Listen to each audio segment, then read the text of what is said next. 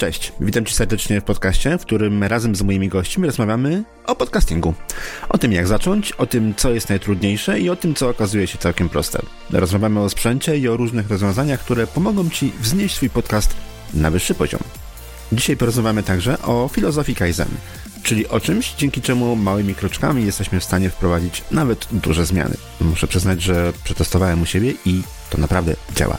Zapraszam do wysłuchania. Krystian Zych. Moim dzisiejszym gościem jest e, Tomasz Miller. Tomek na swojej stronie internetowej pisze: Jestem autorem książki, podcasterem, życzliwym człowiekiem, trenerem Kaizen, Lean Thinking, Lean Startup, coachem sprzedaży, konsultantem biznesowym. Jestem gościem z małego miasteczka, który jest bardzo nieidealny i nieidealny jest dużymi literami. Tomasz, zaraz cię o to zapytam. Robię okay. błędy językowe, skracam końcówki, jak piszę to gubię litery, jest szansa, że mam małą dyslekcję. Cześć Tomku, witam cię serdecznie. Cześć Krystian, bardzo dziękuję za zaproszenie. O co chodzi z tym nieidealnym? Strona o mnie, strona firmowa i piszesz, że jesteś mhm. nieidealny, jeszcze wytłuszczasz? Tak, tak. Ja jestem przekonany, że ta nieidealność myślę, że trochę przyciąga ludzi, bo mam wrażenie, że jestem przekonany o tym, że jeżeli mamy takich ludzi, którzy są naprawdę idealni, znaczy moim zdaniem nie ma idealnych, albo są blisko ideału, to mamy tak, czuję do, do niej taki dystans. A jeżeli jesteśmy nieidealni, to mam wrażenie, że każdy z nas jest taki trochę nieidealny. Nie wiem, jaki ty jesteś, ale też mam wrażenie, że też czasami popełniasz błędy. Ja też te oj, popełniam. Oj, wiesz, tak często, że gdybym miał nagrywać podcast o moich błędach, to przypuszczam, że to byłby dziennik. No dokładnie, dokładnie.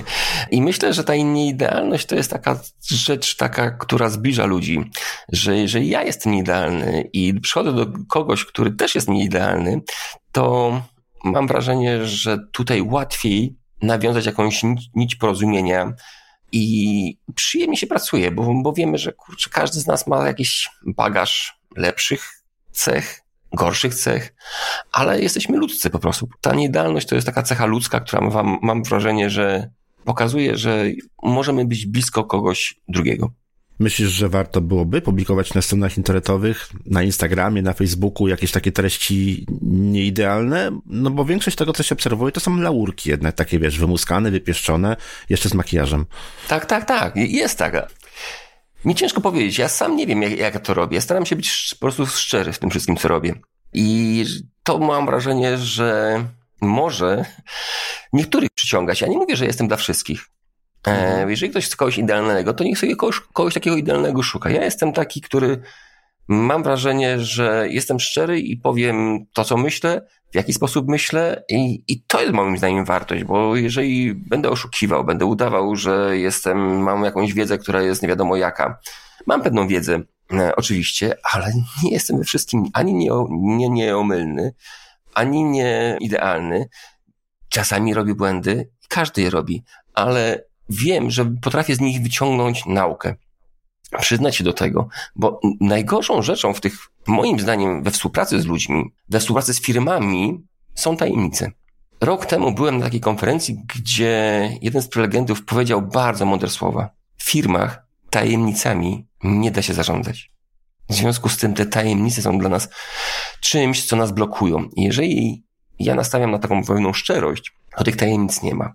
W związku z tym mówimy sobie o wszystkim, mówimy jak jest i dzięki temu możemy dotrzeć do rzeczy, które faktycznie są istotne i możemy dotrzeć do rzeczy, które faktycznie mogą pomóc. Mhm. I to nieidealność związana z tym właśnie tym brakiem tajemnic, to mam wrażenie, że to jest taka fajna mieszanka, która pokazuje zarówno mnie, jak i klientom, że możemy współpracować na takich otwartych zasadach otwartych, szczerych zasadach. Ja mam wiedzę, mam dużą wiedzę, którą mo mogę się nim podzielić, ale ja też nie wiem, czy ta moja wiedza jest na jego bolączki, bo jeżeli ja znam kogoś lepszego, który jest w danej dziedzinie lepszy, to ja mu tą kontakt przekażę. Nie muszę być to ja. Pytanie do psychologa i myślę, że taki odcinek też nagram. To właśnie pytanie do psychologa. Jak to jest z tym pokazywaniem siebie, no nie do końca doskonałymi? To może też być ciekawa rozmowa. No bo to się tak trochę kłóci z taką ogólną wizją tego, co powinniśmy publikować w ogóle w internecie. Jak podcast, to musi być idealny, czyli nagrywam pierwszy odcinek 17 razy. E, jak zdjęcie tak. na Instagramie, to musi być 70 filtrów, tak? I, i wszystkie, wszystko pozowane. Ja, ja, Jak jakiś tam wpis, to musi być też wypieszczony przez tam kogoś tam, nie? Znaczy, ja myślę, że tutaj jedno z drugim się nie, nie, nie gryzie, bo to, że Czyli ja nigdy nie nagrałem, nie wiem jak ty, idealnego no podcastu. E, nie, ja nigdy. Nie. Ostatnio ja pisałem nigdy... nawet, gdzieś, gdzieś jakiś komentarz, przepraszam, padnę ci słowo. Nie pamiętam tej chwili, ktoś na LinkedInie pisał kilka dni temu. E, była dyskusja właśnie o idealnym odcinku i napisałem, że no ja mam, nie wiem, jakieś na około 1200-1300 odcinków edytowanych i generalnie żadnego z nich nie wyedytowałem idealnie, bo do każdego, w każdym mógłbym się czegoś jeszcze czepić, zrobić coś lepiej. No i generalnie zawsze jest tak, że wszystko, co robimy, to zawsze coś tam można poprawić jeszcze, nie? Znaczy, uważam, że powinna być najlepsza wersja, jaką możemy zrobić.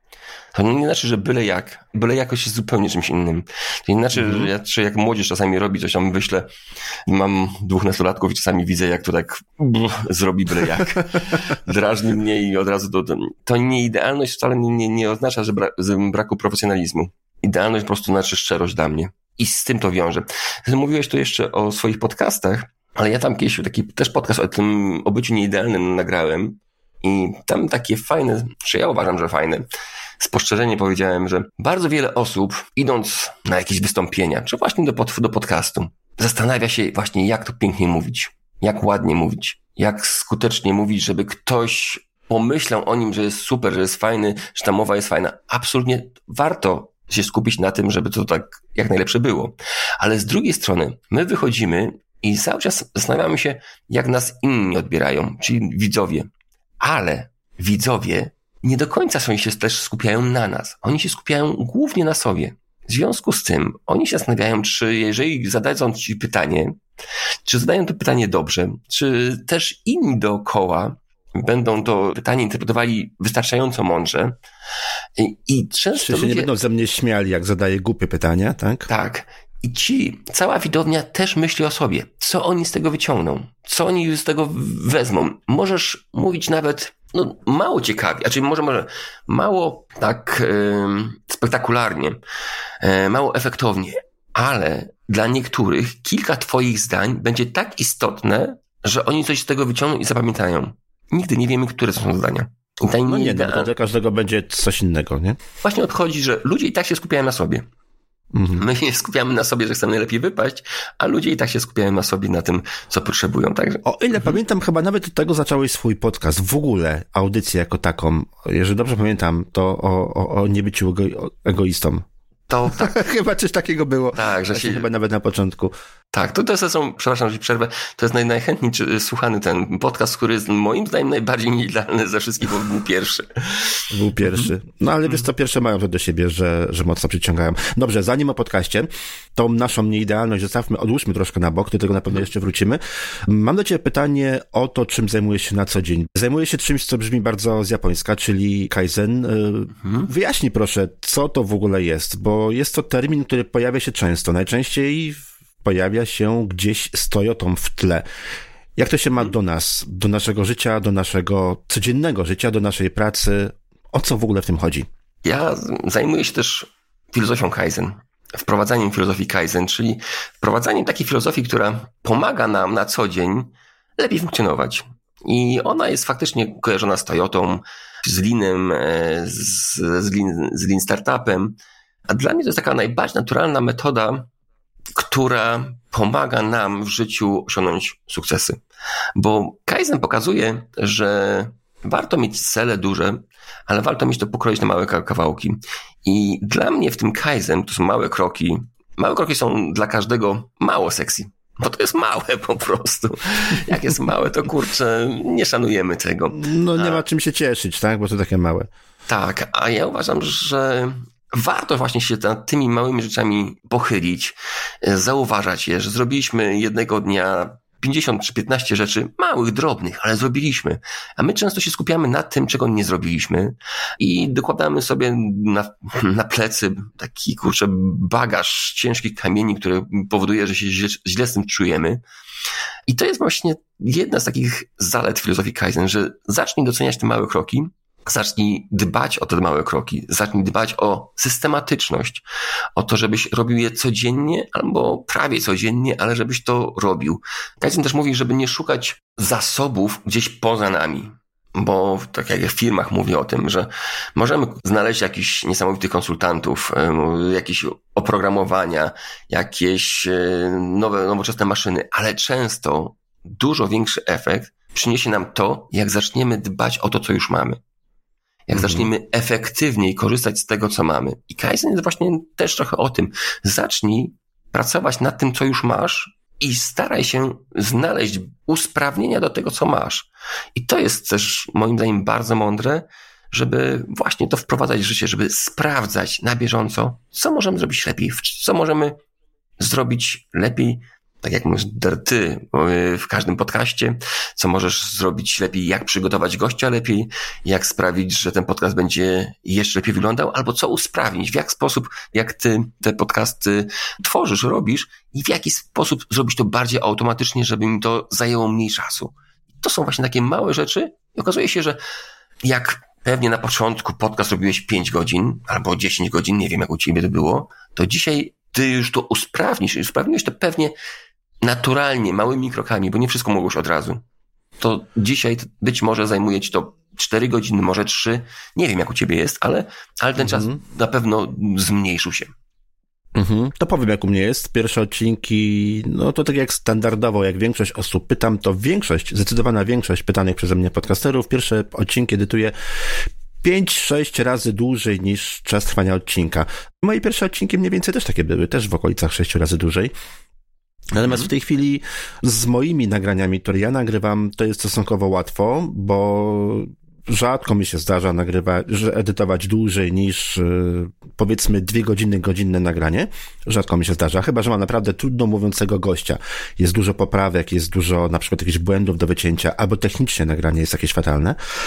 Natomiast z nagrań, które dostaję do edycji, to już trochę zależy też od tego, jak to jest y, nagrane, no bo to są często przypadkowe nagrania w przypadkowych miejscach, więc tam często jest to dłużej, ale zdecydowanie nie jest to ani 6, ani 5 godzin, zdecydowanie. To raczej 2-3 mhm. godziny na godzinę nagranie, a z reguły około 3 godzin chyba. Tak mniej więcej wychodzi. No wiesz, czyli ten proces się skrócił o 50%, nie? W tym czasie, jak jednego dnia mogłem zrobić jedno nagranie kiedyś, teraz jestem w stanie spokojnie zrobić dwa i jeszcze mam czas na kawę. Tak. Mhm. No, jest, jest, jest, jest, jest różnica. Ale to, tak jak mówisz, to przychodzi z czasem. Nie da się z tego w ciągu tygodnia, nawet czy miesiąca ogarnąć, bo to najpierw musisz się nauczyć to, potem musisz się nauczyć coś innego, potem musisz znaleźć możliwość skrócenia czegoś tam jeszcze innego. Mhm. U mnie to się wiązało, wiązało także i ze zmianą programu do edycji, potem z kupnem innego programu, bo ten mi tu skrócił na przykład jakąś tam, jakiś tam proces o, o 4 godziny. E, ten program spowodował, że mogę sobie zautomatyzować działania, które trwają powiedzmy kwadrans do minuty i wiesz, i, i w ten sposób to się po prostu zbiera, nie? W Kaizen pokazują właśnie ten, że te małe działania mają znaczenie. Mhm. Że nawet w jednej no kilkanaście lat temu, bo jeszcze gazety były. W Stanach Zjednoczonych chyba w jednej firmie sprawdzono, ile minut dziennie się szuka gazety. I tam okazało się, że jakieś 4 minuty dziennie. I okazało się, że przez te 4 minuty, jak to pomnożymy przez te 200 kilkadziesiąt dni pracy, nie licząc weekendów, to okazuje się, że mhm. to jest kilka dni pracy. Te małe mhm. szczegóły właśnie mają znaczenie, że gdy usprawniamy to dzisiaj, to jest to może być 4 minuty, ale gdy to usprawnimy, to powtórzymy ten usprawnienie kilkadziesiąt razy w ciągu roku, albo kilkaset razy w ciągu roku, to okazuje się, że zyskujemy kilka dni. Czyli co, możemy mieć czterodniowy tydzień pracy albo sześciogodzinny dzień pracy, tak? Tak, i przyznam, wiesz, teraz, się, przepraszam, wiesz co, uśmiałeś się teraz, ale niedawno... No tak mi się skojarzyło akurat od razu. Wiem, że nagrywałeś na temat odcinek. Ten odcinek mi się właśnie przypomniał i tak mi się od razu tak. skojarzyło z tym, co mówisz. Że tak, to może to... spowodować y, skrócenie czasu pracy. Tak, przy tak. zachowaniu tej samej jakości tych samych Albo nawet większej. Albo nawet większej. Tak, nagrałem podcast z Łukaszem Szymułą, który wprowadził sześciogodzinny dzień pracy w swojej firmie. Co ciekawe, ten model jest wprowadzany tylko w Polsce, a w pozostałych krajach w Europie, bo to jest firma międzynarodowa, nie. I okazuje się, że można pracować 6 godzin, między innymi dlatego, że gdzieś Galup sprawdził, że w ciągu dnia pracujemy efektywnie bodajże 2 godziny 58 minut w ciągu 8, z 8 godzin. Efektywnie tylko niecałe 3 godziny. Czyli można pracować efektywniej. Można. Mhm. No i właśnie Kaizen jest od tego, żeby pokazać te miejsca, które można poprawić po prostu, żeby być efektywniejszym. Chcesz zgłębić wiedzę na temat podcastu? Na temat podcastu? Wejdź na akademiapodcastera.pl akademiapodcastera.pl No dobra, jak to wprowadzić w codziennym życiu? Zachęcam pierw do, do mojej książki, którą właśnie po raz e, kolejny opublikowałem. Kaizen, jak osiągać wielkie cele małymi krokami. Myślę, że warto po pierwsze przyglądać się swoim procesom. Co robisz, jak robisz, w jaki, w jaki sposób to robisz, czy możesz coś usprawnić. Ja podaję taki jeden przykład. Ja to uwielbiam, bo myślę, że jest bardzo taki obrazowy i każdy może z tego wziąć. Każdy z nas nosi jakiś plecak. Idziesz na jakąś wycieczkę, idziesz do pracy gdzieś, masz plecakiem. Jeszcze może nie każdy, przepraszam. Sporo osób. Ja do pracy chodziłem z plecakiem i w tym plecaku było bardzo dużo rzeczy. Było trzy książki, bo nie wiedziałem, którą będę czytał. Był jakiś, e, jakaś kanapka sprzed wczoraj, były jakieś 15 e, długopisów, były jakieś rzeczy, które, jakieś pięć scyzoryków, jakieś były zeszyty do, do notatek, jeden był do jednego, drugi do drugiego, trzeci do, jakiś kalendarz jeszcze był. I to było strasznie ciężkie. Gdy się zastanowiłem, co mi jest potrzebne, co dzisiaj jest mi potrzebne, to ja sprawdzam teraz przed wyjściem, wyciągam cały plecak do pusta i sprawdzam, co mi jest potrzebne. I okazuje się, że mogę zapakować albo tylko Kindle i zeszyt i dwa długopisy. I to mi wystarcza. I gdy się przemieszczam, po pierwsze, mój kręgosłup jest zdrowszy. Po drugie, mogę się szybciej poruszać, bo z, z lżejszym plecakiem dużo mi lżej i, i jest mi łatwiej po prostu. I to jest taka kwintesencja Kaizen. Powyciągaj rzeczy, które są ci zbędne, które są niepotrzebne i działaj tylko z tymi, które są potrzebne. To tak samo jest e, z, mm, z twoim otoczeniem, z twoim biurkiem. Masz tam 50 rzeczy, które cię rozpraszają. A ja mam straszny bałagan na biurku. Teraz właśnie nagrałem podcast z kolegą, który mówił, jak on to zrobił, bo on też mówi, że jest bałaganiarzem, ale mówił, że żeby nauczyć się mieć czystość mm, na biurku, to codziennie całe biurko sprząta. Całe. Wychodząc z pracy, to jak ktoś przychodzi do, do jego pokoju i się pyta, czy ktoś w ogóle pracuje. Bo wszystko mhm. ma pochowane do, do mm, szuflad i biurko jest zupełnie pusty. Mówi, nie zastanawiałem się, czy coś mi jest potrzebne, czy nie. Po prostu wyrzuciłem wszystko. Okazuje się, że gdy mamy na biurko dużo rzeczy, to się rozpraszamy. Tak samo z telefonem. Ponoć wystarczy schować telefon do szuflady i to już jest usprawnienie dla nas, bo nas nie rozprasza. Gdy mamy telefon koło, mhm. koło siebie, gdy pracujemy, od razu, czy ktoś nie odebrał, czy coś ciekawego się tam nie zdarzyło. Sprawdzamy to. I to są takie drobne rzeczy, które powodują, że no, jesteśmy mniej efektywni i nie skupiamy się na rzeczy, która jest dla nas faktycznie istotna. A takie mhm. przerwanie to jest co najmniej 30% więcej czasu pracy, e, co najmniej, a jeszcze to jest najgorsze jest to, że gdy się rozproszymy i wrócimy do czegoś, to znowu... Trudno zwrócić to samo miejsce. Tak, musimy się zastanowić, co robiliśmy. To wrócenie mhm. to samo miejsce to jest, to jest dość kłopotliwe i też zajmuje procesy myślowe i, i jesteśmy przez to bardziej zmęczeni. I też i sporo czasu, nie? Bo jednak czasami, mhm. czas, wiem, czasami jest tak, że coś mnie wybije, coś robię, nad czymś pracuję i staram się nie sprawdzać, nie mam Facebooka na telefonie, staram się nie sprawdzać powiadomień, no ale mimo wszystko jednak ktoś zadzwoni na przykład, albo, albo nie wiem, syn do mnie przyjdzie, coś chce.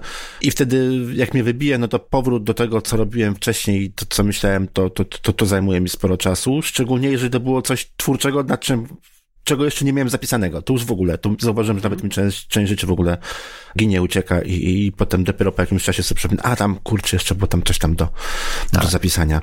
A jak to można przełożyć do podcastów, do, do tworzenia podcastów? Albo inaczej, zadam pytanie, czy ty wykorzystałeś metodologię Kaizen do tworzenia swojego własnego podcastu? Albo do pisania książki?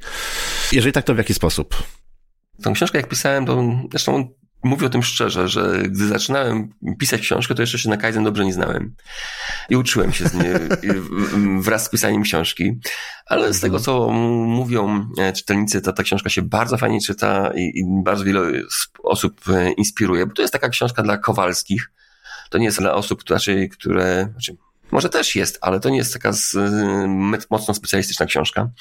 No, mój egzemplarz ma status wydana do doręczenia, więc pewnie będzie w paczkomacie, jak tylko skończymy rozmawiać. Będzie mi miło, jak się podzielisz refleksjami.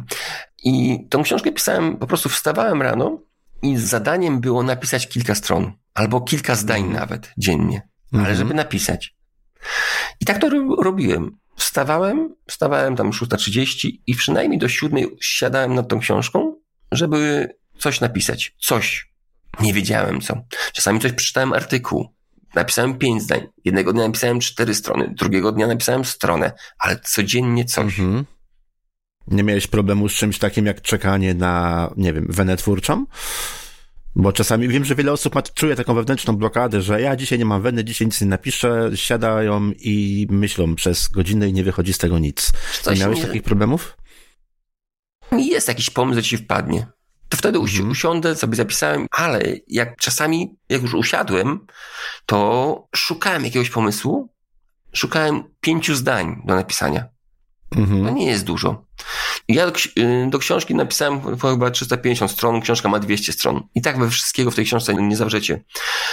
Ale okazuje się, że to chodzi o, to, to, to, o tą konsekwencję. Wena to jest coś, co, co jest przereklamowane. To nie ma weny. Nie, nie, nie wierzysz, praca. nie wierzysz za bardzo w wenę. Nie, no trzeba zrobić, usiąść i tyle. No. No, A jak już Mhm. usiądziesz, mówię, o kurczę, to jest fajny pomysł, to jest fajny pomysł. Może tak to napiszę, może w inny sposób skonfiguruję zdanie. I tutaj nie ma co się zastanawiać nad weną, trzeba usiąść i zrobić po prostu to.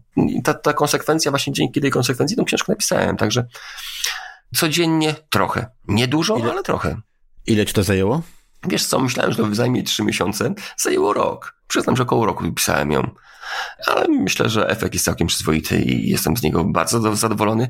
Tym bardziej, że i usłyszałem kilka takich e, informacji, że, że warto było. Jedna taka, bardzo się cieszę z tego, to od razu powiem, jeżeli mogę e, się podzielić, Jasne. że Jasne, mm, jasne. jeden z czytelników się.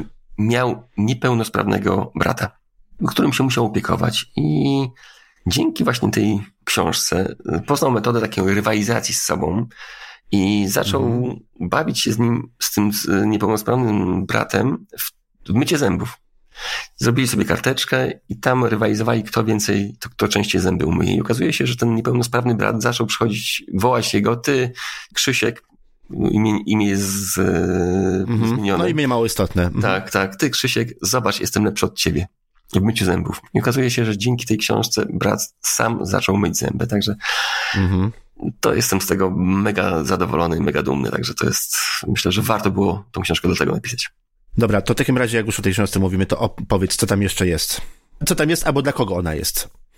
Tak jak mówię, ona jest dla, dla osób, które się czasami boją e, zmian, bo są za duże. Mhm. Dla osób, które chciałyby poznać tę metodę, dla osób, które czasami pewne rzeczy im nie wychodzą, dlatego, że właśnie brak im konsekwencji. Dlaczego to y, brak im konsekwencji? Też o tym napiszę w książce, bo to nie jest do końca nasza wina, że brak nam konsekwencji. Tak działa nam nasz mózg po prostu, że my łatwiej robimy to, co jest dla nas prostsze, to łatwiejsze i to, co jest trudne, to spychamy gdzieś w kąt, żeby tego nie było. Także to, to książka jest o tym, jak zacząć, jak robić, żeby działać konsekwentnie, dlaczego to robić. Tam jest bardzo dużo przykładów z życia mojego, e, nie tylko mojego, z znajomych, z książek, jak sprawić, że te małe kroki powodują, że te cele, które chcemy osiągnąć, są takie bardziej realne i żeby czasami pomyśleć o tym out of the box, co zrobić, żeby wymyślić coś nowego, żeby się nie hamować przed tym wymyślaniem. I dużo takich jest porad, które mam wrażenie, że ludziom pomagają. No Zresztą nie tylko, ja mówię, że to jest dla Kowalskiego, ale ostatnio byłem na takim szkoleniu dla trenerów jedna właśnie z dziewczyn, która też jest trenerką, powiedziała mój Tomek, kurczę, ja z twojej książki korzystam przy szkoleniach swoich, także w firmach. Także myślę, że to, ja mówię o dla Kowalskiego, ale myślę, że i, i w firmach też tym można to wykorzystać. Ale jest tam sporo rzeczy z tego, co mówisz o takim naszym codziennym życiu. Tak, tak, tam jest o, o odchudzaniu, o bieganiu. Bo O bieganiu, Biegasz, o. też jest, też jest rozdział. Mhm. O, jak jest o odchudzaniu, to mi się też jeszcze przyda. Zapraszam, zapraszam. Przełóżmy to teraz na podcasty, Dobra? bo często spotykam się z takim stwierdzeniem, nie jest to może jakoś tak bardzo nagminne. To nie jest tak, że większość osób, ale jednak sporo osób boryka się z takimi problemami typu, ale jak ja mam to wszystko ogarnąć, bo żeby stworzyć podcast, to jest tego tak strasznie dużo naraz do zrobienia. Albo druga kwestia, no ja mam pracę, dom, y, nie wiem, mężowi muszę zrobić obiad i jeszcze powiedzmy tam dziesięciolatka wyprawić na zajęcia dodatkowe i ja nie mam czasu. Jak w tym momencie można wykorzystać e, Kaizen, czy też w ogóle jakąkolwiek metodę małych kroczków, czy też e, naukę konsekwencji, żeby mimo wszystko stworzyć coś? To jest też tak, że nawet małymi, małymi krokami, no, jak ja bym teraz poproponował takiemu jak, jak ty byś teraz zaczął? Mhm. Gdybyś był 100 odcinków temu, jak byś mhm. teraz zaczął? Ja powiem o swojej historii może, a drugi raz jakbym teraz polecił, dobrze? Można dwie. Okej. Okay. Okej. Okay. Ja, ja, do podcastu podchodziłem tak z namaszczeniem też przynajmniej kilka miesięcy. Ja się zastanawiałem, czy napisać, czy, czy coś opublikować, czy to będzie mądre, czy to nie będzie mądre. W końcu miałem taki coaching z, z koleżanką, która mnie na tyle tak troszkę zainspirowała, zirytowała, że, że w końcu mm, zrobiłem ten pierwszy podcast. I to była taka trochę wena. No więc zrobię to, bo to jest dla mnie istotne. E, I po prostu jednego dnia siadłem, e, napisałem tekst, e, bo on był też czytany, przyznam.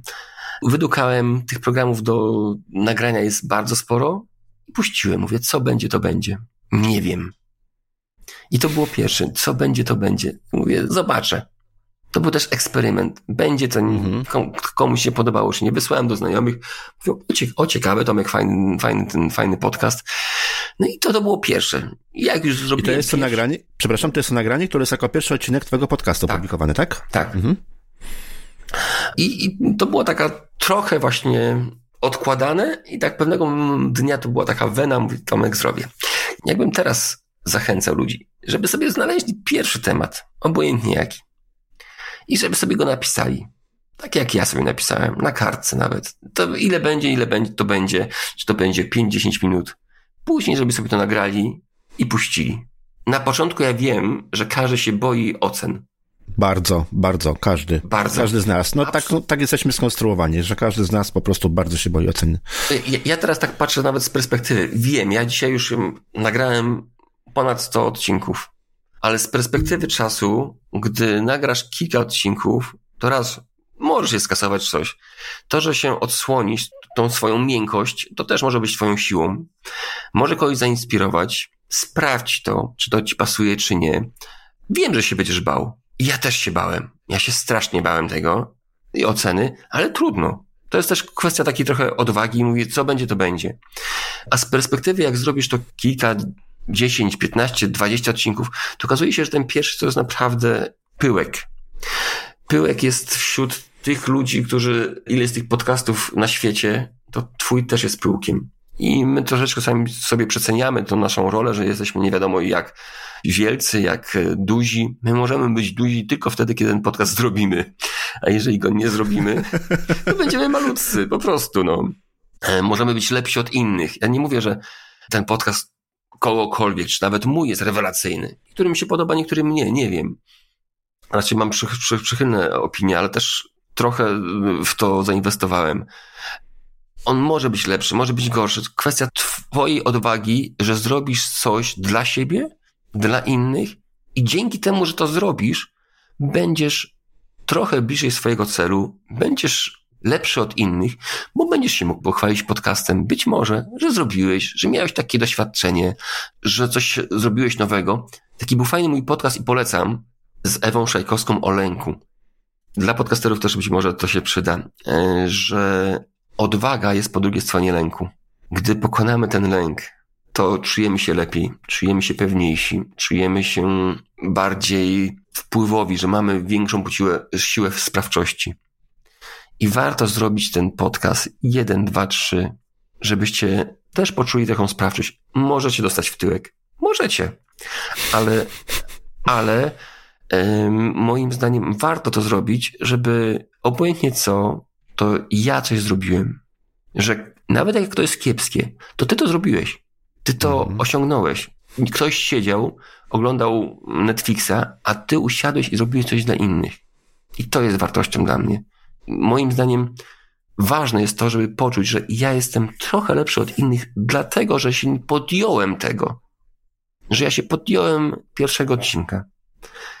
I to jest moja odwaga. Pomimo konsekwencji, pomimo tego, że się boję tego, tej oceny innych, to ja się tego podjąłem. I to jest naprawdę coś fajnego, które, co możecie z tego czerpać, bo jak ktoś nic nie robi, to może krytykować. Ale ja się wystawiłem na krytykę. To jest moja odwaga. Ja się wystawiłem na krytykę, pomimo tego, że właśnie to, co mówiłem na początku. Jestem niedoskonały. I mam prawo być niedoskonały. Z każdą rzeczą, którą nową robię, jestem niedoskonały. I tutaj mi się wydaje, że dla podcasterów też jest ważne. Ten pierwszy odcinek też będzie niedoskonały. I powiem jeszcze więcej. 110 odcinek, 1050 też będzie niedoskonały. Trochę może bardziej doskonalszy, lepszy, ale będzie niedoskonały. No, to jeszcze zależy, co uznamy za doskonały, tak? Jak, jak zdefiniujemy doskonałość. Zgadza wiadomo, się. że z naszym doświadczeniem y, wszystko jest coraz to lepsze, ale też i oczekiwania są coraz to wyższe, więc to też oczekiwania co do pierwszego odcinka będą zupełnie inne niż oczekiwania co do setnego odcinka. Na, E, Nasze, nasze, nasze własne, tak? Jako twórców. No bo po- po pierwszym odcinku, to jak mówisz, chcemy go po prostu publikować i fajnie byłoby, żeby on jakoś wyszedł, natomiast po setnym oczekujemy od siebie, no, zdecydowanie wyższego poziomu.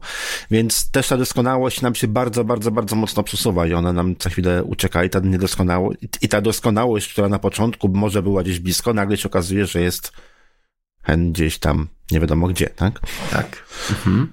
Żeby pokonać swój lęk, to jest najważniejsze. Żeby się nawet się otworzyć, żeby pokazać, że jesteśmy, że próbujemy. To jest Mhm. moim- moim zdaniem ważne i to polecam. Nie powiedzieliśmy, moje niedopatrzenie, nie padła w ogóle nazwa. Podcast nazywa się Kaizen Miracle, możecie go znaleźć we wszystkich aplikacjach podcastowych. Mhm. Jest również też na stronie Tomasz Myślnik. Miller.pl. Miller, Myślnik, tak? Tomasz Miller czy Tak, Tomasz Myślnik, Myślnik? Myślnik. Tomasz Myślnik, no widzę teraz, Tomasz Myślnik Miller. e, kropka .pl. No oczywiście książka, książka też tam jest e, dostępna w, w sklepie. Szkolenia, konsultacje dla firm. www.jakzrobićpodcast.pl Kaizen Miracle, y, jak powstawał podcast? Y, Skąd pomysł w ogóle? Dlaczego w ogóle zacząłeś nagrywać tę audycję? Dlaczego? Bo chciałem się dzielić, no. Chciałem się dzielić wiedzą swoją, coachingową, swoją mentoringową, bo mam wrażenie, mam wrażenie, że tej wiedzy już jest sporo. Ale powiem jeszcze jedną rzecz, co jest dla mnie wartością w podcastach, które ja prowadzę. Że dzięki podcastom, co ja mam? Po pierwsze, mam bardzo dużo nowych znajomych. Mega interesujących ludzi. Ciebie, Krystian, też poznałem dzięki temu, że... No, dzięki podcastom się że, poznaliśmy, że, dokładnie. że, dzięki podcastom.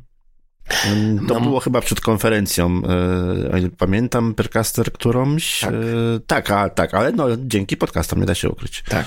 Dzięki podcastom poznałem masę gości, którzy dzielili się ze mną swoją wiedzą w podcaście. Dla mnie to też jest taki mój własny uniwersytet. Dzięki tym rozmowom z gośćmi dowiedziałem się bardzo wielu rzeczy, których no, nie dowiedziałbym się z książek. I to jest mega wartość dla każdego podcastera. Jeżeli kogoś zaprosisz, dopytasz, pewnie jeżeli chodzi o zyski, nie wiem, czy to się zwróci, czy podcasty się zwracają, czy nie, niektórym się zwracają, czy nie, ale to jest inwestycja w No. Gardzcy się zwracają, ale też pytanie, czy wszystko, co robimy, musimy spieniężać od razu, tak? Mhm. Bo jeżeli inwestujemy w siebie i zdobywamy nową wiedzę, to nie da się tej wiedzy tak natychmiast spieniężyć. My właśnie zainwestowaliśmy w tą wiedzę i to nie jest tak, że Mhm. od razu natychmiast będzie zwrot. I dla mnie poznanie tych ludzi, których ja poznałem dzięki podcastowi, w życiu bym ich poznał.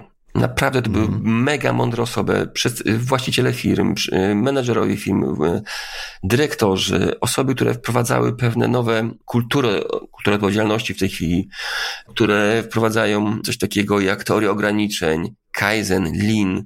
Ja mam takich ekspertów, których naprawdę kiedyś myślałem, że to są dla mnie osoby nieosiągalne, a dzięki nim mam godzinę dla siebie, godzinę rozmowy dla, z, z nimi dla siebie, gdzie ja mogę się nauczyć bardzo dużo rzeczy, a przy okazji mogę... Darmowy pomóc- coaching. Darmowy coaching, dokładnie.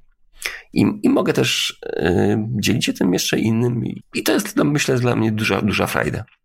Zacząłeś trzy mniej więcej lata temu. Pamiętasz, jakie były Tak. początki? Co było największym problemem? Co było największym wyzwaniem dla ciebie przy nagrywaniu, przy tworzeniu pierwszych odcinków podcastów? Co było pierwszym? Mm, No bo to jest, wiesz, teraz ponad 100 odcinków, to na pewno to już wygląda zupełnie inaczej niż wyglądało kiedyś, nie? No na- na pewno sprzęt. Nie wiedziałem jaki sprzęt, jaki program, z jakiego programu korzystać, jak to obrabiać, jak em, zajmować tą obróbką tego, jak em, promować ten podcast. To były rzeczy, które się uczyłem. A z takich rzeczy, które jeszcze dodatkowo zrobiłem i uważam, że są bardzo fajne, to Kaizenowo zrobiłem sobie taką checklistę. E, Na początek checklistę, co trzeba było zrobić, jakie narzędzia mam poznać, jak zapraszać gości. Ja w tej chwili, każdy ma mm, inną technikę, ale ja gościom daję na przykład taką, wysyłam taką listę, co warto zrobić, żeby się przygotować do tego podcastu. Mhm. E, No właśnie, e, rozmawialiśmy niedawno, ta lista mnie zaintrygowała. E, Co tam masz? Proste rzeczy. Po pierwsze właśnie No wiesz, proste, proste, nieproste. Ja taką listę mam, ty taką listę masz, ale 90% osób przypuszczam, że nie ma, albo ma, ale, ale jeszcze nie taką, jaka powinna być. Po pierwsze, mówię o tym, jaki mikrofon powinien być, żeby podcast był w miarę przyzwoity, bo wiem, że ludzie nagrywają podcasty poprzez komputer, poprzez jakieś słuchawki zwykłe i to nie brzmi. A podcast, moim zdaniem, jest dla kogoś. Przeważnie ludzie słuchają podcasty w ruchu, w biegu i jeżeli są jakieś zgrzyty, gdy dźwięk jest kiepski, to go wyłączają. Wtedy szkoda naszej roboty. Szkoda naszej roboty, żeby to robić. W związku z tym ja zapraszam gości, żeby zainwestowali w mikrofony.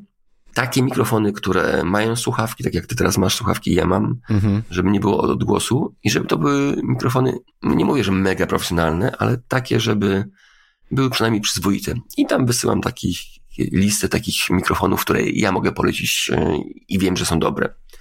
To jest pierwsza rzecz. Drugie mówię o tym, jak je przygotować. Przygotowuję pytania, które są ramą podcastu. Te pytania się zmieniają. Ja też mówię o tym, że to będzie rama. Ale żeby się przygotowali, żeby przygotowali trochę liczb, bo słuchacze lubią liczby. I żeby się trochę przygotowali do podcastu, bo przyznam, że ja czuję osobę, która się przygotuje do podcastu, a która się nie przygotuje.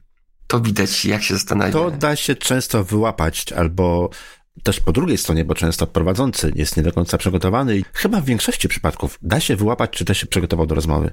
Myślę, że jak mamy doświadczenie, to ja, ja, i ja i ty to potrafisz. I, I ja dlatego właśnie tą checklistę wysyłam i zachęcam, żeby ktoś się przygotował. Zachęcam też, żeby też drobne rzeczy takie przygotowali sobie, żeby wyłączyli inne programy, żeby nie pikało nic, żeby schowali Mhm. telefon, żeby ich nie rozpraszało, żeby zamknęli drzwi do pokoju, żeby znaleźli takie pomieszczenie, gdzie przynajmniej jest właśnie jest coś na ścianie, że jest jakaś Mhm. firana, albo żeby były jakieś obrazy, bo jak jest takie sterylne pomieszczenie, to jest bardzo duże echo. Mhm. Jest paskudny pogłos. Jest, jest taki podgłos i to słychać też. Zachęcam ich do tego, żeby znaleźli sobie krzesełko, które nie skrzypi. E, Zachęcam ich do tego, żeby mm, mikrofon sobie postawili, postawili w miarę wysoko, żeby ta postawa była w miarę prosta. Ty teraz siedzisz prosto, ja mam mikrofon troszeczkę niżej. No ja mam mikrofon na ramieniu, który mogę sobie, wiesz, nawet stanąć, nie? I Tak, i to jest, to jest dobrze, bo z tego co wiem, to ten głos jest zupełnie inny. W czekliście też pisze, żeby sobie wzięli wodę do, do popicia, bo, Mhm. bo to się przydaje czasami. I to chyba taka mniej więcej jest cała chyba checklista, no ale taki A widzisz, No. podsunąłeś mi pomysł. Muszę sobie do swojej dopisać o skrzypiącym krzesełku. To jest ważne, a tego nie mam na swojej, to muszę dopisać. Mhm. No bo kiedyś miałem taki, cały No. ten podcast był ciekawy, a ktoś tam skrzypiał i mówię, o kurczę, muszę to dopisać. I to właśnie taka no. kajzenowa rzecz, no. Zrób sobie taką checklistę, wysyłaj i, i, i już masz, nie musisz każdego gościa przygotowywać. Nie muszę Mhm. każdemu gościowi mówić o y, tych y, mikrofonach. Wysyłam ten, te mikrofony, które mogą kupić, bądź nawet wypożyczyć je od kogoś w różny sposób, ale zachęcam do tego, żeby te mikrofony były, bo dzięki temu Mhm. i oni są lepiej prezentowani, a my, jako ci, którzy prowadzą te podcasty, mamy dużo mniej pracy do roboty. No i też potem dużo lepiej się tego słucha, na przykład w tramwaju, gdy jest hałas, tak? Tak. Wiadomo, że źle nagranego dźwięku po prostu źle się słucha. Mhm. A zgodnie z, no chyba nie do końca kaizenową metodologią, metodologią, fizy, fizy, filozofią, nie mam pojęcia to nazwać, hasłem, po prostu hasłem znalezionym gdzieś tam kiedyś w internecie, shit in, shit out, no niestety, ale z byle jakiego podcastu cudownego nie zrobisz. No tak, tak, to się nie da. E, A jak ty się przygotowujesz do, przygotowywałeś, czy też przygotowujesz do swoich odcinków? No bo goście gośćmi, ale ty też się musisz przygotować. Tak. Jak ten proces u ciebie wygląda? Ja przyznam, że każdy mój gość dostaje taką listę pytań ode mnie. No, ramę. Mhm. I ja sobie ją przygotowuję wcześniej. E, I myślę, że ta praca, którą ja sobie przygotowuję, to pomaga mi wdrożyć się w temat, zastanowić się, co ja chcę tego gościa dopytać. I to też jest dla mnie taka baza do tego, żebym wiedział, o czym mówię. Żebym przynajmniej wiedział, jakie pytania zadać. Przeważnie te pytania są różne, ale jak sobie zrobię taką ramę tych 10-15 pytań, wyślę do gościa i mam tą samą ramę u siebie, to ja już wiem, po jakim polu idę. Dla mnie jest to dobre. Ja lubię mieć taki komfort, że nie lubię, jak jest cisza, bo czasami no, to gość od razu odpowie na pytanie, powie tak szeroko, że już nie mam co zada, za- zadać na, jak, jak kolejne pytanie, bo zdarza się coś, coś takiego. Zdarza się, tak. No, to wtedy mam kolejne pytanie z innej bajki, albo z obszaru, który mogę go zapytać gdzie indziej, ale mam już przygotowane, nie muszę Mhm. szukać. Także czuję się bardziej komfortowo, jak przygotuję tych kilka pytań, czy kilkanaście pytań, żeby mieć i myślę, że z dwóch stron jest większy komfort. Nie masz takiej sytuacji, że gość przygotowuje się pisząc sobie odpowiedzi na konkretne zadania, konkretne w konkretnej formie zadane pytanie? Wiesz co, miałem, miałem coś takiego i w związku z tym też do, do checklisty napisałem, że to są ra- ramą. Te pytania są ramą, Mhm. że będą inne pytania i żeby się nie przygotowywać do końca do nich. Tak pytam, bo ja miałem taką sytuację kiedyś właśnie, Też- że gość przygotował sobie pisemne odpowiedzi i czytał z kartki. Jak ja mu zadawałem pytania, to czytał z kartki i były problemy, jak chciałem zadawać pytanie inne albo inaczej, bo nie, nie, do końca, nie do końca był gotowy. I to tak, no, ze strony gościa być może to było komfortowe, być może czuł się pewniej, natomiast z mojej strony, no ja znowu miałem problem z prowadzeniem takiej Mhm. audycji. Dlatego właśnie Dlatego boję się dawania pytań. Widzisz, ja, ja po prostu, ponieważ ja uważam, że to jest taki większy komfort, to piszę, że to jest rama. Mhm. To jest rama, żeby on był przekonany, że to nie będą tylko te pytania i żeby on... Że mogą się zmienić Tak. albo być troszkę inaczej zadane. I tera, teraz jak, jakbym na twoim przy, takim przykładzie, to bym też dodał jeszcze jedno pytanie, żebym poprosił, żeby goście nie czytali z kartki, żeby się albo nauczył tego, żeby, żeby szedł z flow, nie? Mhm. No nie, czytającego z kartki miałem na szczęście tylko raz. Mhm. E, natomiast no takie bardzo mocno wyuczone odpowiedzi na konkretnie zadanie pytania, to, to, to mi się pojawiła, to, to mi się zdarzało kilka razy. Mhm. No ja nie daję pytań. Właśnie z tego powodu nie daję pytań. Daję zagadnienia. Mówię, o czym będziemy rozmawiać. Mówię, jakie Okej. tematy... Tak jak, tak, jak, tak jak tobie mówiłem, nie? Że porozmawiamy o podcaście, o sprzęcie, o tym, jakie były początki, o tym, jak to wygląda w tej chwili, jak zacząłeś nagrywać podcast, co było dla ciebie problemem. Takie zagadnienia w ten sposób staram się w miarę możliwości precyzyjnie y, podać. Natomiast nie podaję gotowych, y, gotowych pytań. Nie wiem, może po prostu ja mam taki uraz. Może to nie jest jakiś ogólny problem czytania z kartki, czy też przygotowania odpowiedzi. Może po prostu mi się tak trafiło. W każdym razie, no to spowodowało, że, że nie daję. Nie pytania, tylko zagadnienia idą do, do, do moich gości. Ja też, wiesz, No. Krystian, uważam, że każdy powinien troszeczkę po swojemu robić. I każdy powinien robić tak, jak jemu jest dobrze. Żeby on się czuł szybko, no, oczywiście. mm, oczywiście. komfortowo, nie? Ja nie mówię, że moja to jest najlepsza. I uważam, że jak ty masz swoją i to ci sprawdza się, okej. I, tak, i, tylko też uważam, że każdy podcaster się powinien sam nauczyć. Są Mhm. pewne ramy, które mogą usprawnić, ale zróbmy to tak, żeby to było trochę bardziej nasze, a nie czyjeś. Bo jak, czy jak będzie to czyjeś, to będziemy, kurczę, się czuli tak, że ktoś tam kazał, czy coś zrobił. To musimy się sprawdzić te metody. I to właśnie też Kaizen pokazuje. W Kaizen jest taka reguła plan, do, check, act. PDCA. Czyli zaplanuj coś, sprawdź, czy to Mhm. dobrze, czy to ci dobrze działa i wprowadź albo nie, albo weź nową metodę. I to też jest właśnie taki, no, niby, banał, ale właśnie ucz się na małych błędach, to też jest Kaizen. Sprawdzaj, czy to ci pasuje. Nie pasuje, wyrzucaj. Mhm. Bo szkoda czasu, żebyś to zagłębiał się pół roku, męczył się z czymś, co, co, co tobie nie pasuje. Sprawdź, co tobie pasuje i, i, i, i wprowadzaj to. Łatwo powiedzieć, natomiast wydaje mi się, wydaje mi się, nie jestem, yy, to jest moje wrażenie, moja opinia, że w momencie, kiedy nie wiemy jeszcze, jak coś stworzyć, to tym bardziej nie będziemy wiedzieli, co nam pasuje. I pamiętam takie sytuacje nie tylko z samym procesem nagrywania podcastu, no bo to, to myślę, że to większość osób ma problem, ale nawet z wyborem programu do edycji. Ponieważ tych programów jest na rynku 50, dopóki ich nie poznam, to ja nie wiem, którym będzie pasował, a który nie. A poznanie każdego z nich trwa To masz rację. długo. Gość na początku, podcaster na początku na pewno nie wie, co, z czego korzystać i, i on nie wie, co jest dobre. Nie ma prawa wiedzieć, dlatego warto właśnie, nawet właśnie mm, posłuchać twojego podcastu, spotkać się z tobą albo porozmawiać z tobą, czy z innymi jakimiś e, gośćmi, którzy już robili te podcasty, żeby się dowiedzieć, jakie programy można prowadzić, które są najbardziej intuicyjne, bo to jak mówiłeś, jest 50 programów. Nikt się pewnie nie zna na- na 50. No wiesz, ja 45 z nich też nie znam, nie? No. Ale wiesz, No po co? ale wiesz, z tych pięciu, to wiesz, który byś polecił. Z tych pięciu. Mhm, mm, oczywiście. No. I to jest też, Mam programy, które polecam początkującym, mam programy, które polecam mocniej już zaawansowanym, bo to są, to są różne aplikacje. tak. Tak, no w ramach kilku oczywiście jestem w stanie się poruszać, ale kilku, nie? Na początku na pewno No. mieć kogoś, kto przynajmniej powie, znaleźć takiego Mhm. podcastera, który już to robił i podpowie kilku, Mhm. kilka mm, e, takich hintów, podpowiedzi, co można zrobić łatwiej. Szkolenia, konsultacje dla firm. www.jakzrobićpodcast.pl A tak w kwestiach promocji, na przykład marketing- marketingu, jak to ruszyć ogólnie w ogóle, nie? Jak to zacząć? Mhm. Takie tematy. Ja przyznam, że ja praktycznie promuję to w dwóch kanałach.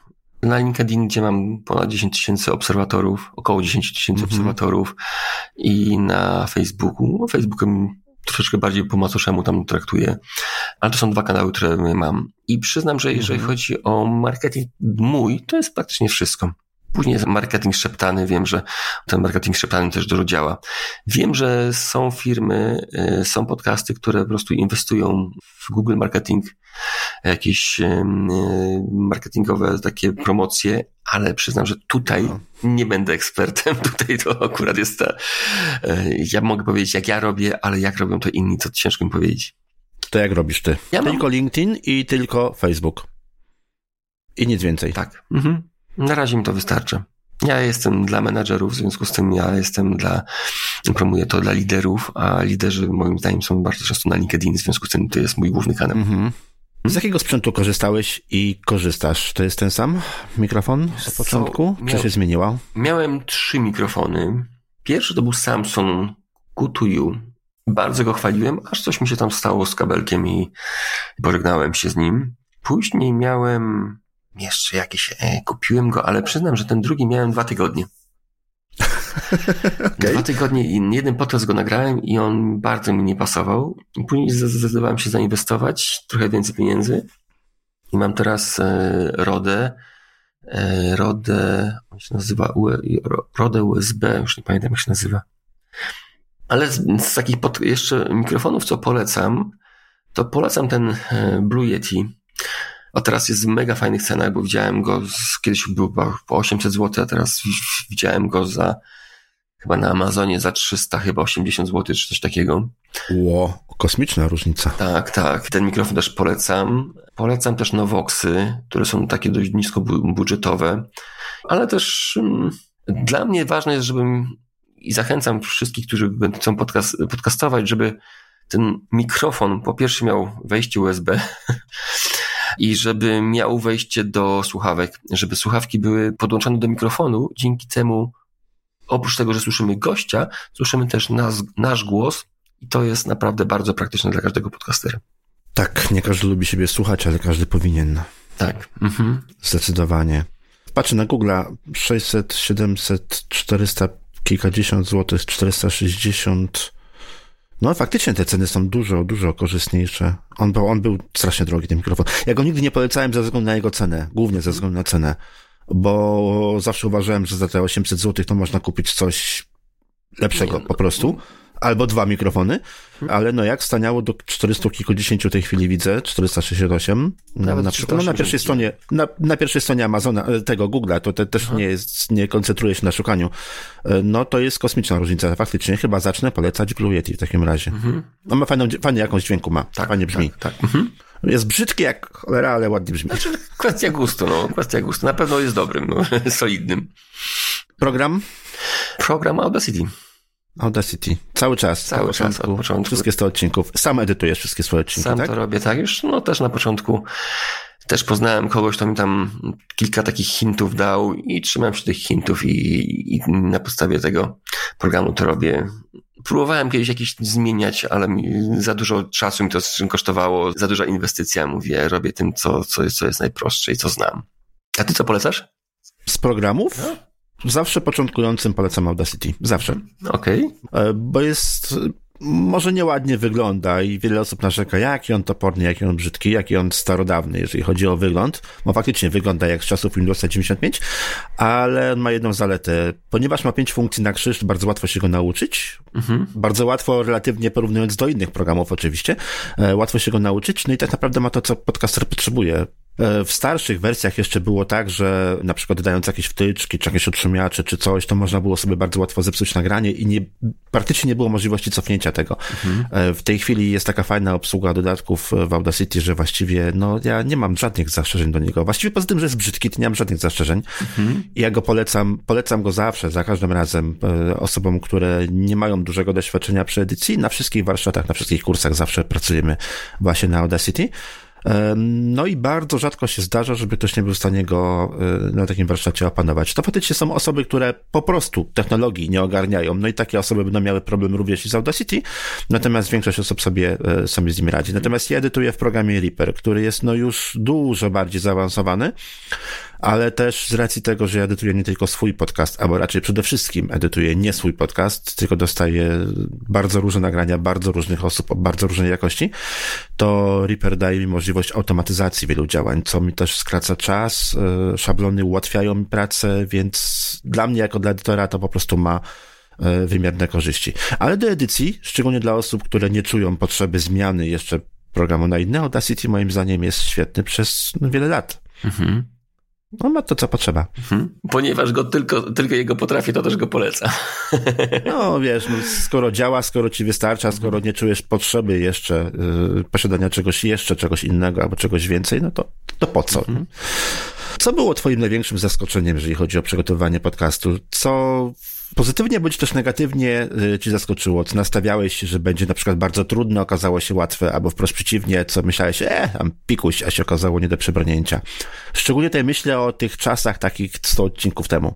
Jedna rzecz, co, co mnie zaskoczyła prostotą, to powiem to, że ja podcast mam na, na platformie Anchor.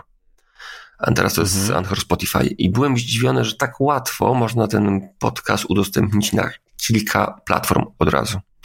Że wkładasz go w jedno miejsce i od razu on się za chwilę pokazuje e, na kilku platformach. I to jest Apple, Google, Google i jeszcze tam Spotify. Spotify jest najpopularniejszy.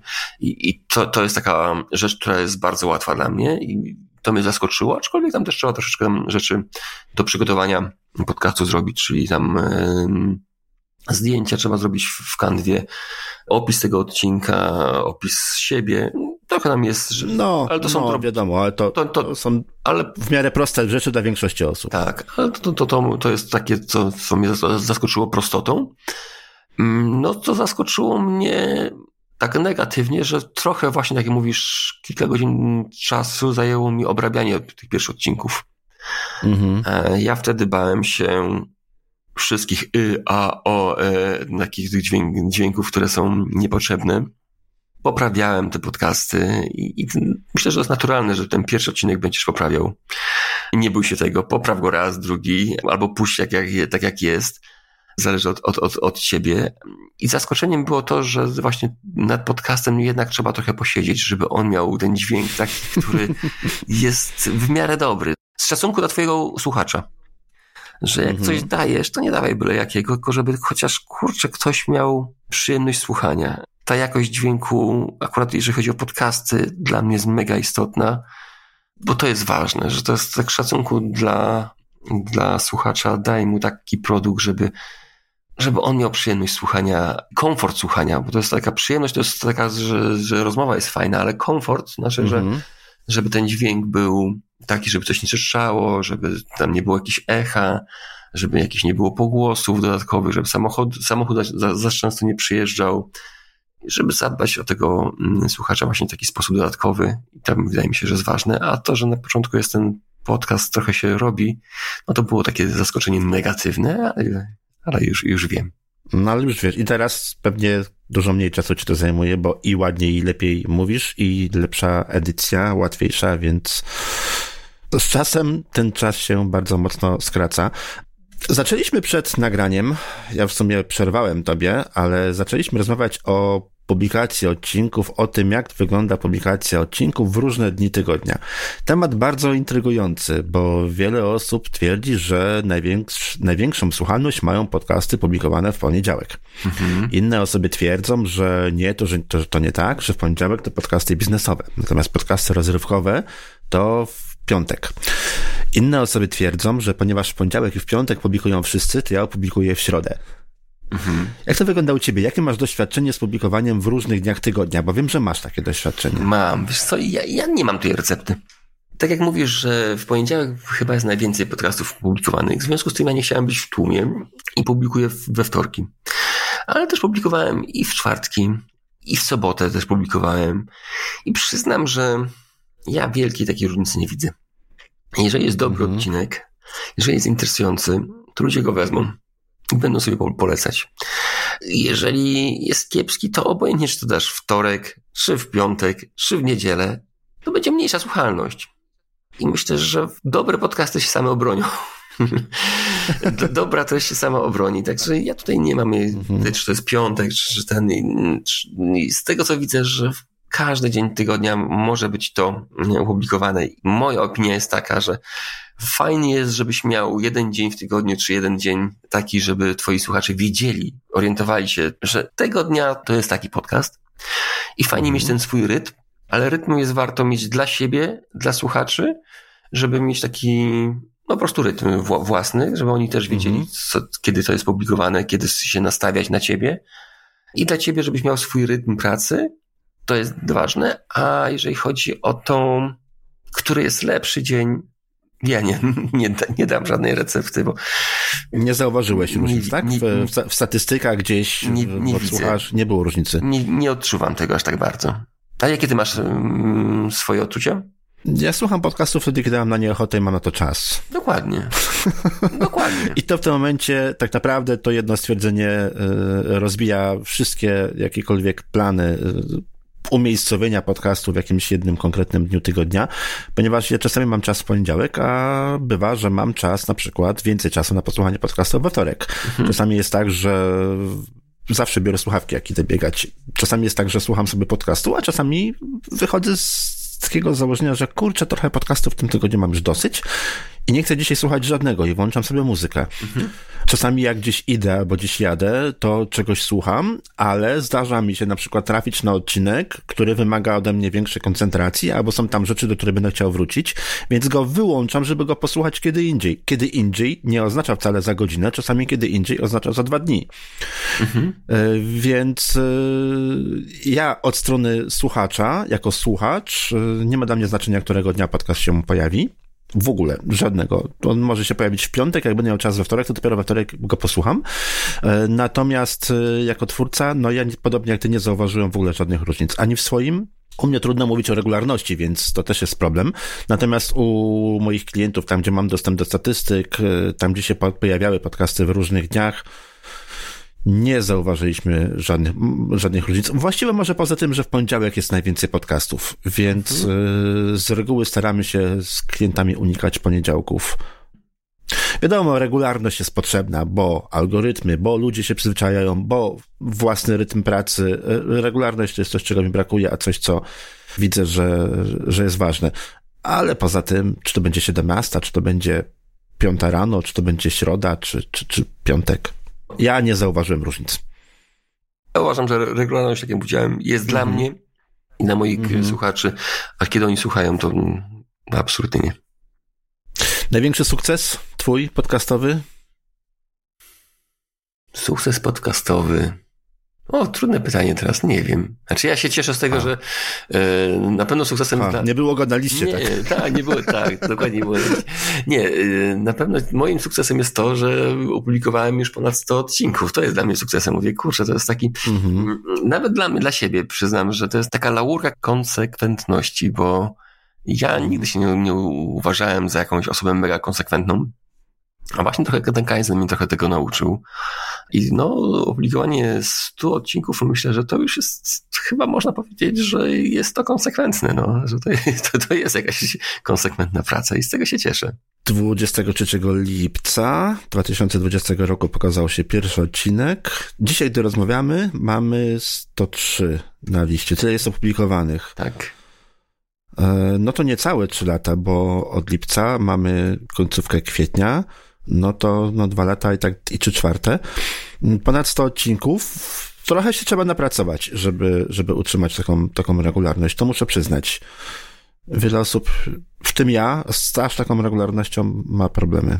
To właśnie to chyba dla mnie to, to jest taką wartością i to, że chyba poznałem właśnie, tak jak mówiłem, to jest taki mój, mój własny, prywatny uniwersytet, gdzie się mogę nauczyć mega ciekawych rzeczy od mega ciekawych e, osób, a tak, żeby powiedzieć, co wyjątkowy, to no ciężko powiedzieć, bo naprawdę i z Tomkiem Zielińskim był super wywiad i z Anią Szajkowską właśnie ten o lęku uważam, że jest bardzo fajny i sześciogodzinny tydzień pracy i o kulturze odpowiedzialności i o teorii ograniczeń. To było naprawdę bardzo dużo fajnych, ciekawych gości i fajnych, ciekawych tematów, które myślę, że dla każdego są bardzo, bardzo istotne i mogą, mogą mi się przydać. To ci się przyznam, bo tak, książki nie przeczytałem. Książka, jeszcze mi telefon nie piszczy, że jest w paczkomacie, więc jeszcze nie jest w paczkomacie. Natomiast yy, przyznam ci się, że kiedyś po rozmowie ze znajomą też właśnie rozmawialiśmy yy, o, o takim wdrażaniu różnych rzeczy, różnych projektów takimi małymi kroczkami. Doszedłem do wniosku, że w sumie kurczę, no słucham tych twoich podcastów, lubię te twoje podcasty, bo fajne są, fajnie, fajnie mówisz, fajnych masz gości, całkiem konkretne to jest, nie trzeba być ekspertem, żeby, żeby zrozumieć o co tym wszystkim chodzi, co dla mnie też jest ważne, że, że nie jest to wiedza na poziomie nie wiadomo jakiejś e, technologii kosmicznej. I możemy zacząć to wprowadzać. I, i zacząłem w, no nie tylko w bieganiu, ale w ogóle w, w paru projektach, e, tak właśnie takimi małymi kroczkami, tak, tak, tak po twojemu. I powiem ci, że u mnie to działa, u mnie się to sprawdza, więc e, no ja jak najbardziej mogę polecić, bo to po prostu działa, no i tyle. Ja, ja, ja też uważam, że, że w ogóle ta filozofia Kaizen to jest taka trochę dla każdego.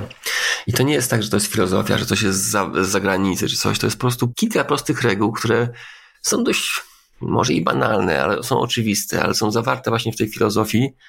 I one pokazują, że można inaczej, można troszeczkę w inny sposób i, i jest to proste, łatwe, proste.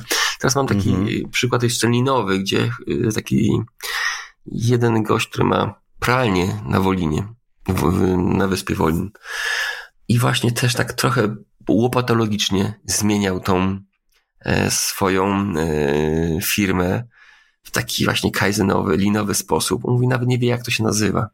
Ale sprawił, że tak, kurczę, po, po roku, po pandemii, ta firma działa trzy razy szybciej niż wcześniej, że Mhm. te wszystkie ludzie chętnie pracują, że on jest zadowolony, że te procesy są ustalone, że klienci dużo chę- chętnie do niego przychodzą. On mówi, że ja nie wiedziałem, jak to się nazywa. Ja nie wiedziałem, co ja robię. I to jest właśnie ważne, Mhm. że nie musisz wiedzieć, jak to się robi. Ważne, że to było skuteczne, proste i łatwe. I wydaje mi się, że ta Kaizen to jest właśnie coś takiego. To jest proste, łatwe, każdy może to zrobić, a dzięki temu też może osiągać lepsze wyniki niż wcześniej. To jeżeli zachęciliśmy, to jeszcze przypomnij miejsca, gdzie można znaleźć książkę, podcast i ciebie. No tak jak już mówiłeś, no zacznij od podcastu. Podcast Kaizen Miracle małymi krokami od pomysłu do zysku. Małymi, mądrymi krokami, bo to też jeszcze, to muszę chyba dodać, bo małe to nie znaczy, że są mądre. Trzeba wiedzieć, w którym miejscu te małe wykorzystać. No na okładce nie ma mądrymi, trzeba No dopisać. chyba trzeba dopisać, no to muszę chyba w czwartej edycji. On jest na wszystkich chyba y, platformach y, podcastowych. Książkę można znaleźć na mojej stronie tomaszmyślnikmiller.pl lub na Allegro. Na Allegro też można ją kupić. Mnie można znaleźć na LinkedIn, E, Przepraszam, jeszcze, jeszcze jedno. Książka nazywa się, yy, przypomnij, Książka nazywa się Kaizen jak osiągać wielkie cele małymi krokami. A mnie można znaleźć na LinkedIn, tam jestem najczęściej, a także na mojej stronie internetowej, no i w podcaście. Mi się wydaje, że to jest miejsce, gdzie najczęściej można mnie znaleźć, posłuchać. I chyba tyle. Co ja robię jeszcze, jakby może do- dodam jeszcze, bo czym ja się zajmuję? Kaizen to jest jedna rzecz, ale ja ogólnie zajmuję się tym, żeby, ja uczę liderów, żeby uczyli samodzielności swoich pracowników żeby Mhm. bardziej ich angażować, żeby liderzy i menadżerzy, me- menadżerowie mieli mniej pracy na głowie, a firma odnosiła wię- większe zyski, a pracownicy się bardziej angażowali. I tego uczę oprócz Kaizen. czyli osoby zainteresowane odsyłamy tomaszmyślnikmiller.pl albo znaleźcie na LinkedInie, a podcast, podcast właściwie wszędzie, wszędzie ci słucha podcastów, to Kaizen Miracle jest. Super. Tomaszu, czego ci życzyć na koniec naszej rozmowy? Tylko mi W życzy, kwestiach podcastowo-książkowo-rozwojowych. No bo nie mów mi, że Mercedesa, bo ci nie dam. wiesz co, ja mam w planach jeszcze kolejną książkę i żebym małymi krokami ją napisał, to bym chciał O czym będzie? Podobna tematyka, czy coś całkiem innego? trochę inne, bo to jest bardziej o, o angażowaniu i o słuchaniu. O, Bo to słuchanie, ja też prowadzę też zajęcia ze słuchania. Uczę słuchania zarówno w sprzedaży, jak i właśnie w zarządzaniu, jak słuchać efektywnie i co robić, żeby pracownicy się Mhm. angażowali. I to słuchanie jest takim elementem, które też się nauczyłem prowadząc ten podcast, ale jest moim zdaniem mega istotne, mega niedoceniane, bo każdy chce wiedzieć wszystko, ale jak my wiemy, to ktoś się nie angażuje. I uczę tego, jak trochę stosować ciszę, jak się uczyć od innych, jak dzięki temu sprawiać, że pracownicy się bardziej angażują, bo są, oni się stają mądrzejsi. I to jest bardzo fajne, jak to kurczę się później w firmach się sprowadza, gdzie, gdzie szef nie jest najmądrzejszy, nie musi być najmądrzejszy, a pracownicy podpowiadają mu pomysły i mówi, o kurczę, nie wpadłem na to. I to jest takie fajne, to, to też właśnie o, o tym chcę książkę napisać, właśnie jak słuchać i angażować pracowników. Taki podtytuł, który sobie wymyśliłem, to od razu, to no jeszcze nie wiem, czy będzie. Słuchaj, baranie. Czyli, czyli, czyli porad, poradnik dla mądrych liderów. to życzę ci, żeby się ukazała w miarę możliwości jak najszybciej, bo taką to ja też chętnie kupię. Dobra. No, nie mam wprawdzie jakiegoś wielkiego zespołu, ale to są tematy, które warto znać, bo my nie umiemy słuchać jako społeczeństwo, więc to się przydaje na pewno nie tylko liderom. Myślę, że tak. Dobrze, Tomaszu, dziękuję Ci bardzo za dzisiejszą długą dosyć e, rozmowę. Wszystkich zainteresowanych odsyłam tomaszmiller.pl, podcast e, Kaizen Miracle właściwie wszędzie, gdzie się, na wszystkich podcastofonach. Dzięki i do usłyszenia. Ja też bardzo dziękuję, Krystian. Bardzo dziękuję za zaproszenie, bo przeważnie jestem z drugiej strony. To ja uczę słuchania. Dzisiaj, dzisiaj gadałem jak najęty. Nie wiem, jak to będzie Dzisiaj przyjęte. gadałeś. Ale mam nadzieję, że nasi słuchacze wyciągną choć jedną bądź dwie rzeczy, które ich zainspirują. Chcesz zgłębić wiedzę na temat podcastu? Wejdź na akademiapodcastera.pl. I co sądzisz o Kaizen? Przyda Ci się? Moim zdaniem warto wykorzystać tą filozofię, bo naprawdę w bardzo fajny sposób można stosunkowo łatwo wprowadzać nawet i, i większe zmiany. I szczególnie jeżeli zaczynasz nagrywać nowy podcast, jeżeli nowa audycja wymaga od Ciebie wprowadzenia dużych zmian. Dużych, w sensie trzeba wygospodarować czas na nagranie, trzeba wygospodarować czas na znalezienie gości, na przygotowanie się do, do, do takiego odcinka, trzeba ten odcinek później wyedytować, to tym bardziej w takich sytuacjach właśnie, tak mi się wydaje przynajmniej, filozofia Kaizen doskonale się sprawdzi. W czasie, gdy rozmawialiśmy z Tomaszem, to Impost poinformował mnie, że moja paczuszka już czeka w paczkomacie, więc ja lecę po mój egzemplarz książki. Dodatki, linki wszystkie znajdziesz y, na stronie jakzrobićpodcast.pl w zakładce podcasty. Oczywiście nie pamiętam, który to jest numer odcinka, więc y, nie podam Ci dokładnego adresu, ale na pewno jak zrobić podcast.pl w menu głównym zakładce y, podcasty znajdziesz ten odcinek. Tam są wszystkie linki, wszystko to, o czym rozmawiamy z Tomaszem. I cóż, do usłyszenia w kolejnym odcinku. Pozdrawiam serdecznie, Krystian Zych.